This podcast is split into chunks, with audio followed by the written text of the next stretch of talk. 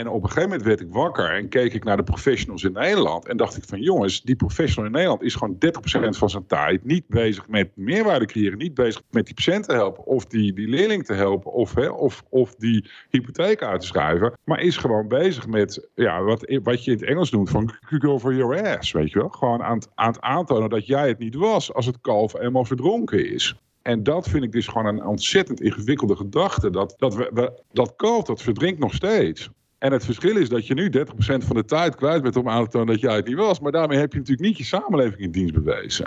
Je luistert naar Verhalen in Veiligheid. Deze podcast brengt verhalen over veiligheid samen met de mensen die het doen.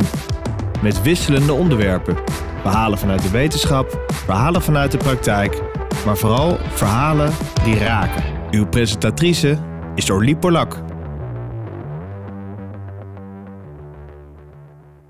Welkom luisteraars, het is tijd voor een uh, mooie podcast. Ik heb Daan Kwakernaat bij mij in de studio zitten. Daan is filosoof, techneut, auteur en inspirator. Daan weet het publiek te boeien met zijn verhalen. Verhalen die je even in de war maken. Aanzetten tot denken en wellicht tot anders doen. Vandaag praten Daan en ik over kleien van onze wereld. We gaan een beetje knutselen. Maar kan dat wel? Volgens Daan gaan we ten onder aan regelzucht tijd voor een gesprek over maakbaarheid. Daan, Precies, welkom. Leuk, goedemorgen. Goedemorgen. Leuk ja. dat jij in de podcast mag. Ja, ja. Uh, mooi, zwaar, filosofisch onderwerp. Maar wel nuttig, toch, in deze tijd? Ja, zo is dat. Tenminste, het, ik ben natuurlijk al heel lang bezig met die regelzucht. Daar ben ik al twintig jaar mee bezig of zo. En het wordt gewoon steeds erger, Orly.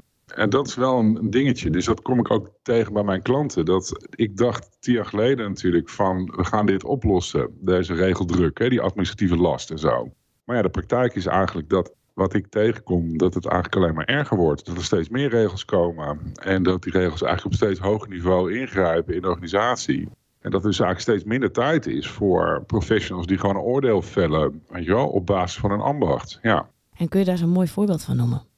Van onze regels. Nou, ach joh, ja, er zijn heel veel goede voorbeelden van. Kijk, het, ik heb natuurlijk ook zitten nadenken over deze podcast. Kijk, ik, ik denk dat je het zo moet zien dat we.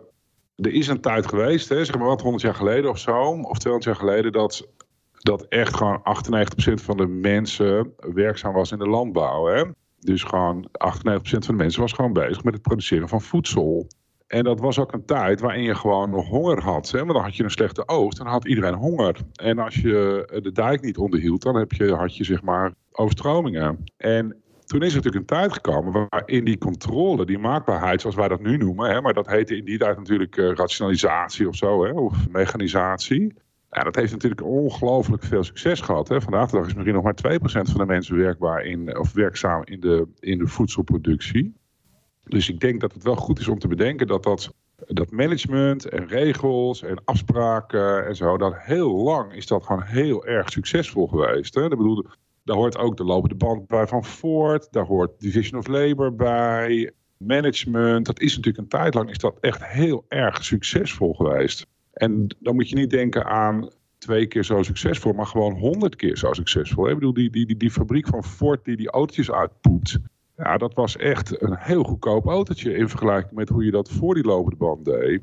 Nou, en wat er volgens mij daarna gebeurd is, is dat dat succes van die controle en het management en het regelen en het, dat zijn we langzamerhand ook toe gaan passen op, op andere domeinen. Op domeinen als zorg en onderwijs en overheid. Eigenlijk domeinen die niet zo goed kenbaar zijn als het produceren van een auto. Ja, en jij zegt eigenlijk, die regelzucht die heeft ons vroeger geholpen, maar is nu een beetje zo'n blok aan ons been aan het worden. Ja, dat is precies wat ik denk. Dat je, en misschien heb ik ongelijk, hè? Het is ook maar, ik zie het ook maar, maar uh, ja, dat is precies wat ik denk. Dat er dus een, een, een lange tijd geweest is waarin het echt mogelijk was om slinge, slimme dingen te destilleren en daar een regel van te maken, zodat iedereen het heel slim kon gaan doen. Bijvoorbeeld met, uh, met oogsten en zo, of met zaaien. En dat je gewoon, je leerde die boeren gewoon hoe dat moest. En als jij gewoon, weet ik veel, wat, wat wat kunstmest toevoegt aan je zaadje, ja, dan heb je gewoon 30% meer productie. En dus dat ging iedereen doen en dat werkte hartstikke goed. En ik denk dat we dus iets, weet ik veel, iets van 30 jaar geleden of zo, zijn we dat ook toe gaan passen op, op onderwijs en zorg. En zeg maar overheid. En ik denk dus dat dat ergens, ja, is dat op nul uitgekomen of zo, hè? dat het eigenlijk geen meerwaarde meer had, maar ook niet echt erg was. Dat je dus nog wel dingen rondkreeg, maar dat je af en toe op wat regeltjes moest eh, volgen. En ik denk dat we inderdaad steeds vaker in een soort situatie terecht zijn gekomen, waarin het heel ingewikkeld is geworden om, om, om iets te beslissen. Omdat regels eigenlijk voortdurend tegen elkaar inwerken. Dus kijk, wat natuurlijk zo'n fantastisch voorbeeld is, en ik, ik ben dus niet van de politiek, hè, maar wat een fantastisch voorbeeld is, is dat je hebt echt een huizentekort. Hè? We hebben echt behoefte aan heel veel huizen. En op een gegeven moment is er dan zoiets als PFAS of stikstofproblematiek. Wat ook heel veel mensen, denk ik, ik ook gewoon eigenlijk nog niet eens begrijpen. En dat betekent dat ik dus voor bouwers werk die gewoon zeggen van ja, huizen bouwen, vergeet het maar. Dat, dat werkt helemaal niet, snap je? Want, want ja, het mag niet volgens de stikstof en de PFAS en dit en nou ja. Dus dat is zo'n voorbeeld waarin we dus eigenlijk regels hebben gesteld die een blok aan je been worden, zeg maar. Is, is, zeg maar, is dat een beetje het voorbeeld wat je zoekt? Ja, ik vind het een leuk voorbeeld. En ik kan me ook wel voorstellen dat het wat met mensen doet. Ik ken dan wel wat verhalen uit de zorg. Waarvan, volgens mij vertelde jij mij dat in het voorgesprek, dat 40% van de tijd van een zorgmedewerker uh, wordt gespendeerd aan administratie. Ja, precies. Precies, dat is eigenlijk een cijfer dat afkomstig is van verpleegkundigen. Maar ik vond nog steeds schokkend, een paar jaar geleden. Maar inderdaad, dus die hebben echt, dat is een serieus onderzoek. Dus dat is zeg maar niet een onderzoekje met 200 respondenten of zo. Dat is echt serieus onderzoek. 40% van de tijd van een verpleegkundige in Nederland gaat op in administratie. Ja, ik heb toevallig ook een rapport gelezen, ben de naam even vergeten, die moest ik lezen voor de VU. En dat ging ook allemaal over dat wij een um, systeem van wantrouwen hebben gecreëerd. Dus dat die regelzucht ontstaat doordat we eigenlijk continu ons moeten verantwoorden voor allerlei partijen. Dat kan een ziekenhuis zijn, dat kan een verzekeraar zijn, dat kunnen artsen zijn. Eigenlijk zijn het soms wel acht verschillende stakeholders die eigenlijk willen weten hoe gaat het met patiënt X. Dus het is niet één regel van één partij. Ja, ja, zo is het. Nee, en nu wordt het ook meteen super ingewikkeld, hè. Maar nee, kijk even een paar voorbeelden van... We, we, hebben, we hebben dus tot voorbeeld van die zorg, dat ging ik vertellen in het onderwijs. En daar gingen mensen knikken. En daar schrok ik dan weer van. En dan gingen dus die leraren mij vertellen dat zij ook 30% van hun tijd bezig zijn met administratie. Nou, dan de hele andere kant van de wereld zijn bijvoorbeeld banken, financiële instellingen waar ik ook veel voor werk. Nou, die zijn, dat heet dan daar, heet het compliance. Hè? Maar grote banken die hebben dus van die ramingen en die schatten in dat ze zomaar 30% van hun workload kwijt zijn om aan die compliance te voldoen. Weet je wel? Ja, dus, dus het is inderdaad zo dat er eigenlijk een. een, een ja. En het, kijk, het rare is, dus als jij dat vertelt aan dat boertje, dat hij dat anders moet doen. En uh, dat gaat dat boertje netjes doen. En dan heeft hij het jaar erop 30% meer productie. Nou, dat is dan, dan hoef je dan niet meer uit te leggen. Hè? Dat gaat dat boertje dan meteen doen. Maar nu is het dus zo dat, je, ja, dat we 200.000 verpleegkundigen hebben in Nederland. Dan hebben we een COVID-crisis. Dan hebben we dus een, een groot tekort aan handjes. En dan zit ik dat, dat rapport te bekijken en dan zit 40% van die handjes dus gewoon in, zit, zit dingen in computers te typen.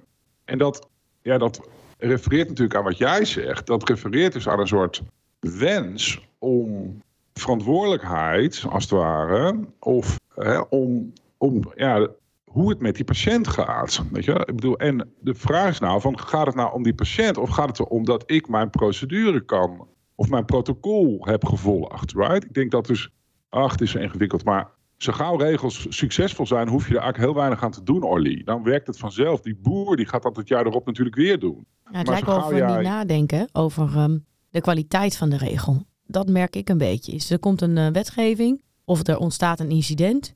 Of die krijgt een opmerking op social media. Gewoon laten we zeggen, gewoon kritiek. Hè? Daar zijn we tegenwoordig ook hartstikke gevoelig voor. En dan vinden we dat we iets moeten doen. Hè? Dus dan gaan er stemmen op. We moeten iets doen. En uh, iets is altijd per default tegenwoordig een regel. Ja. Men denkt ook helemaal niet na over de kwaliteit van de regel, over het effect van de regel, over andere regels waar het misschien mee in, uh, nou ja, wat ja, je zelf al zegt, te tegenspraak is. Ja. En is dat ook niet het probleem? Niet alleen de regelzucht, maar ook gewoon het feit dat we zijn gestopt met nadenken.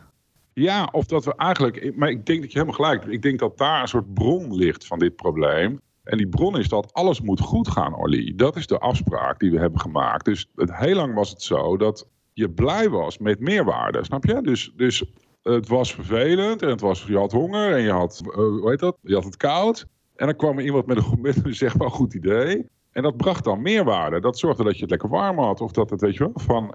En ergens is dat omgeflipt en hebben we met elkaar afgesproken dat het allemaal goed moet gaan. En dat betekent dat als het niet goed gaat, dat, dan hebben we dus ook een probleem. Dus, we, dus we zijn met iets aan het werk en dat lukt voor 80%. Nou, dat was 50 jaar geleden, ging dan de vlag uit. En dan hadden we 80% gewonnen. Maar langzamerhand is dat veranderd. En vandaag de dag, dit heet bij mij de 100% ziekte trouwens.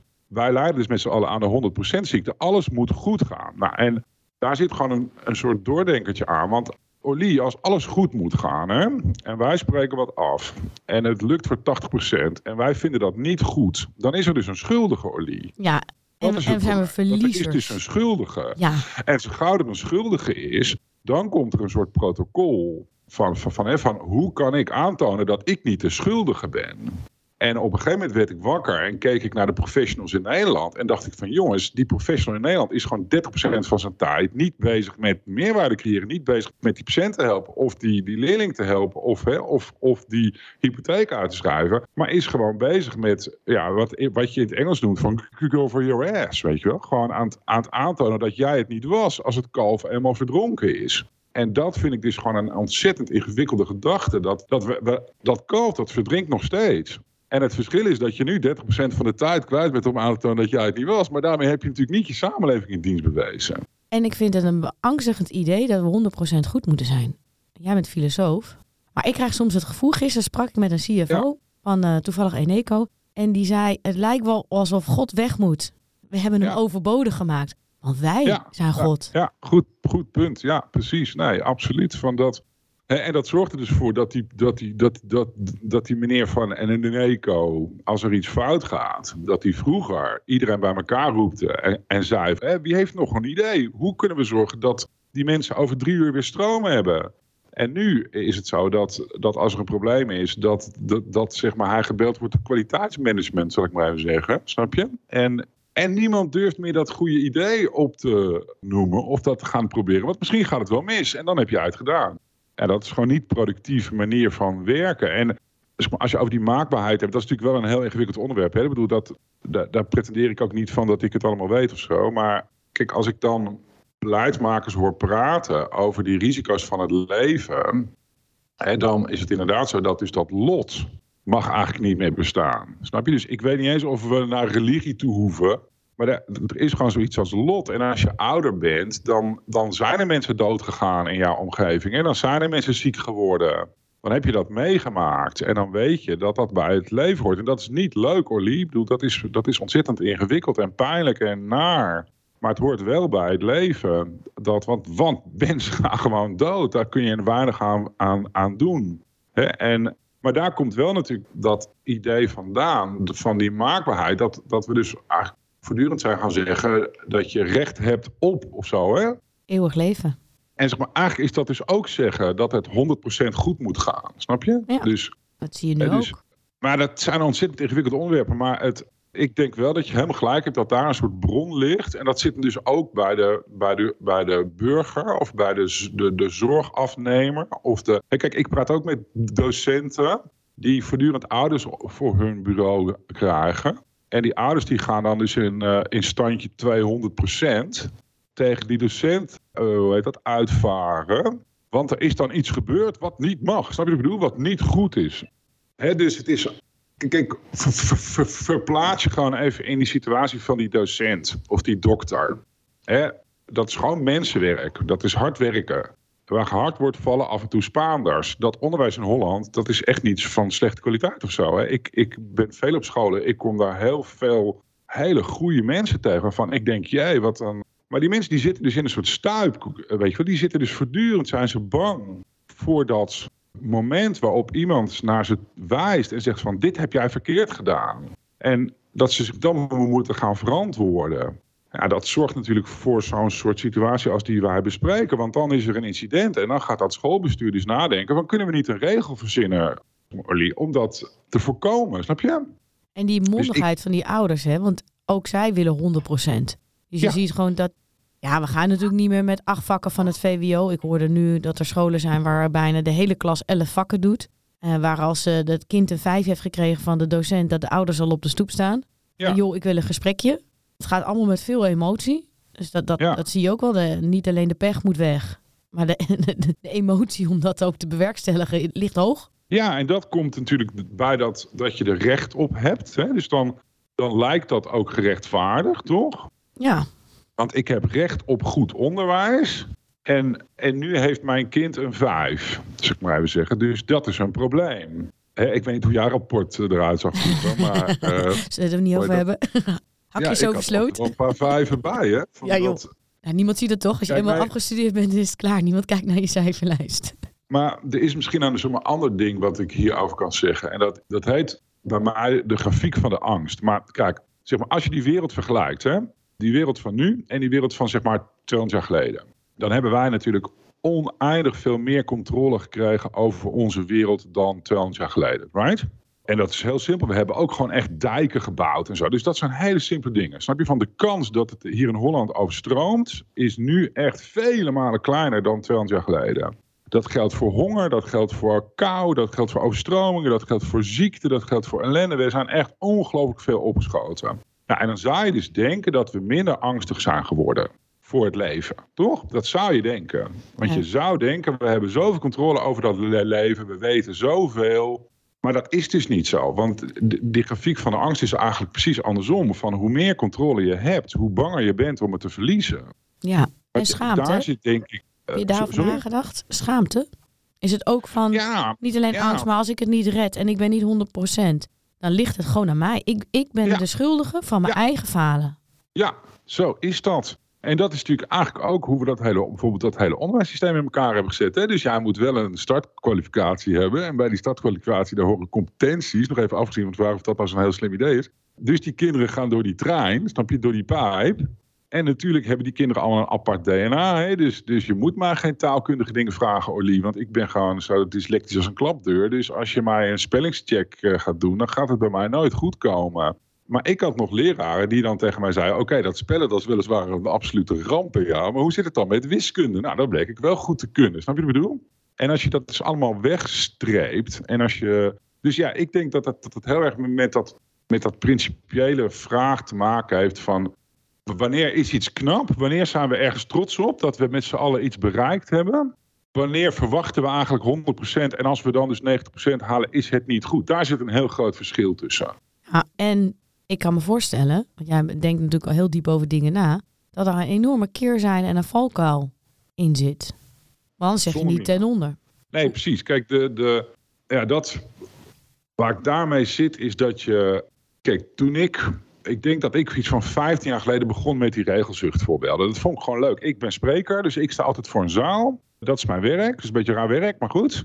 Ik doe iets van 7500 optredens per jaar als het geen corona is. Dat betekent dat ik elke keer als ik voor een groep sta, dan moet ik die groep voor me winnen. Snap je wat ik bedoel? Die groep denkt altijd, wie is die meneer en wat komt hij hier doen? Die groep heeft eigenlijk nooit echt zin. Dus ik moet altijd, dat is gewoon technisch. Ik moet gewoon als entertainer, is het zo dat ik moet beginnen met, met, met, met, met humor, met lach. Ik moet gewoon, als ik begin aan mijn voordracht, die zaal vijf minuten laten lachen. En dat deed ik vijf jaar geleden met voorbeelden van regelzucht. Van de paarse krokodilachtige voorbeelden, weet je wel? En daar herkent die zaal zich in en dan kon die zaal een beetje aan mij wennen. En dan kon ik daarna door met mijn, met mijn verhaal.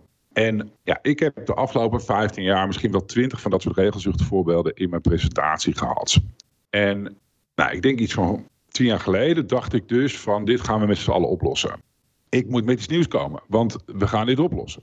En nu zijn we 10 jaar later en zie ik eigenlijk hoe die regels op een steeds hoger abstractieniveau ingrijpen. Dat is denk ik vooral het probleem. Dat dus Als jij tien jaar geleden een verzekering afsloot voor je auto, dan had je ook dat lijstje met die tien vinkjes. En je wist, als ik één keer nee in aankruis, dan krijg ik die, krijg die polis niet. Nou, dat was, niet, dat was misschien niet heel slim, maar het was ook niet erg. eh. Jij kraste gewoon nee, ja, nee, nee, nee, nee, nee, nee, nee, als je een verzekering aanvroeg. En dat hoorde dan bij die paarse krokodil. Maar wat er dus gebeurt, is dat die regels volgens mij op een steeds hoger abstractieniveau aan zijn gaan grijpen.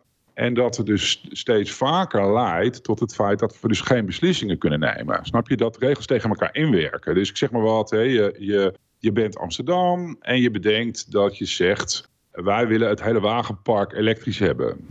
In 2000 weet ik veel, 30 of 40 of zo. Ik ben niet van de. Nou, ik weet niet of dat een slim idee is, maar laten we nou zeggen dat dat een heel slim idee is.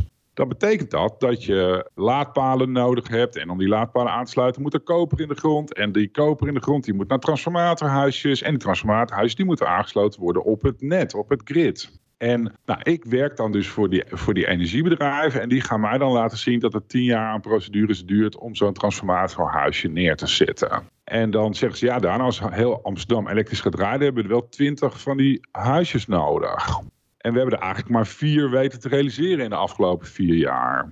Nou, wat ik dan gewoon niet begrijp, is waarom die mensen die dit graag willen, dit niet meenemen in hun plan. Dat leek mij namelijk heel logisch, right? Dat je, dat je, dat je bedenkt van oké, als we al die auto's elektrisch moeten rijden, dan zijn dit de voorwaarden waar we aan moeten voldoen. Dus dan kom je eigenlijk weer op een soort ander onderwerp, dat, dat die samenleving ook misschien wel heel erg gefragmenteerd is in allemaal verschillende stromingjes, die allemaal hun eigen dingetje willen. En, maar uiteindelijk is dat natuurlijk wel kansloos, Olly. Want wat er dadelijk gaat gebeuren, is dat iedereen zijn elektrische auto heeft en die stroom er gewoon niet is. En dan kan je twee dingen doen. Dan kan je of niet gaan rijden, snap je? Of je kan weer een dieselauto kopen, maar er zijn niet zoveel smaken. De, de, de, economie van Amsterdam gaat er niet op vooruit als we met z'n allen de auto's hebben afgeschaft natuurlijk. Want dan gaan we gewoon terug naar paard en wagen. Dan is er een weg Maakt het terug. nog enige sens of niet? Jazeker. Jazeker. Ik denk dat iedereen zich herkent. Ik denk dat je goed uitlegt dat we eigenlijk door ons eigen succes denken er is geen limiet aan ons maakbaarheidskunnen. Als we het niet maken, dan zijn we eigenlijk onze eigen loser en is het onze eigen schuld. En dat maakt ons nog angstiger, want het is niet alleen we willen het eeuwige leven, maar we willen vooral ook geen scha- schaamte op ons afroepen van hé, hey, eh, daar loopt zo'n loser die het niet kon. En we hebben ons allemaal eigen regelparadijsjes gecreëerd, waardoor we lekker gefragmenteerd tegen elkaar in de totale spaghetti van maken. Ja. En nu is de hamvraag, en misschien wel de laatste vraag van deze mooie podcast, is er een weg terug? Nou, die, ja, er is een weg terug. Het is wel een ingewikkelde weg terug. Eh, Kijk, de, kijk waar ik in geloof is dat de, de, de, de enige weg terug die loopt over gedrag, houding en cultuur. Ik werk natuurlijk ook bijvoorbeeld veel voor super succesvolle bedrijven. En dan ga ik vragen, of ga ik, dan ben ik geïnteresseerd, nou, waar komt dat succes nou vandaan? En dan komt dat succes bijna altijd van houding en gedrag. Dat dus mensen die voor het bedrijf werken, die snappen iets gezamenlijk. Snap je? Die begrijpen iets met z'n allen heel erg goed. En dat zit hem dus bijna nooit meer in regels, want dat hebben we allemaal al lang geoptimaliseerd. Snap je? Van, dus, en het, nou ja, het probleem wel met die culturele, met dat cu- culturele deel is dat het gewoon heel erg lastig is om voor elkaar te krijgen. Want ik kan jou wel een brief sturen met regels, maar ik kan jou ook een brief gaan schrijven waarvan ik ga vragen dat, jij, eh, hè, dat je ander gedrag moet gaan vertonen. Maar we weten eigenlijk gewoon dat dat totaal niet helpt, zo'n brief. Hè, als je het gedrag van mensen wil veranderen, dan moeten ze echt ondergedompeld worden in, in het ja, intrinsieke begrip van waarom we dit met z'n allen doen. En dan moeten ze dat ook gaan, zelf gaan voelen. Dat is eigenlijk wat elke ambachtsman doet. Dus het, ja, en daar zit een beetje het probleem dat er volgens mij altijd wel iemand is die gaat zeggen: nee, we gaan dit oplossen via de techniek. Dus er is eigenlijk heeft elke beslisser altijd een soort keuzeboom van ga ik nou aan de slag met die cultuur, wat super lastig is en ingewikkeld en veel tijd kost en eh, eh, of geef ik weer iemand de kans om het op te lossen via de techniek. En dat is volgens mij waar we nu zitten. Dat het nog steeds zo is dat eigenlijk heel veel dingen opgelost worden met techniek. En dat werkt dan dus niet, want dan gaan we regels maken en die worden niet gebruikt of die worden niet nageleefd. En dan werkt dat niet en dan hebben we meer regels en dat gaat dan weer niet helpen. Maar de, zeg maar, de uitweg zou zijn om het dus over die houding en gedrag te spelen. En daar moeten we met z'n allen naartoe. En ik ben, heel benieuwd hoe lang het gaat duren voordat we met z'n allen daar klaar voor zijn. Nou, dat is dan een hele mooie vraag om eh, na te denken, over na te denken voor onze luisteraars. Ja, ik heb, heb je nog een tip, een laatste tip voor de luisteraar? Behalve dan over deze vraag na te denken. Nou, een laatste tip zou zijn dat je dat elk systeem dwingt. Elke, elk domein, elk systeem, elke, elke set van regels die dwingt af. En je hebt het niet door, maar het is wel zo. Op het moment dat jij iets gaat meten, ga je daar naar kijken en dan, dan zie je opeens heel veel andere dingen niet meer. En dan ga je focussen op dat systeem waar je in zit. Dus elk systeem is heel dwingend. En dat voelt niet zo en dat lijkt niet zo, maar het is wel zo. En wat, zeg maar, wat ik aan zeg maar, iedereen zou willen vragen is van... denk nou eens na, in welke systemen zit jij? Zonder dat je dat eigenlijk doorhebt, snap je? En in welke systemen zit jij zonder dat je het doorhebt? En heb je eigenlijk je oplossingsruimte daardoor enorm verkleind? En Ja, dat is, dat is gewoon een interessante vraag om eens over na te denken. En, en het is ook af en toe denk ik heel verstandig om dan uit zo'n systeem te stappen en te zeggen van ik wil, ik wil weer een bredere kijk. En, en er is, ik zeg daarmee niet dat dat systeem per se niet goed is. Hè. Er zijn heel veel systemen die zijn hartstikke helemaal niks verkeerd aan. Maar het is, het is wel zo dat elk systeem heel erg dwingend is. En dat, ja, dat mensen dat niet doorhebben. En dat vind ik dus wel scary eigenlijk. Ik vind een hele mooie vraag aan uh, onze luisteraars. Ik ga er in ieder geval over nadenken. En uh, ik denk uh, dat inderdaad hoe dwingender het systeem is, hoe beperkter je in je oplossing en creativiteit bent. Daan, ja. dank je wel. Vond het toch een beetje filosofisch weer, maar dat had ik wel van je verwacht. Maar vind ik wel mooi. Ik kan daar wel mee. Ik hoop de luisteraars ook. En tot de horens. Tot horens. Dankjewel. Maak er een mooie dag van.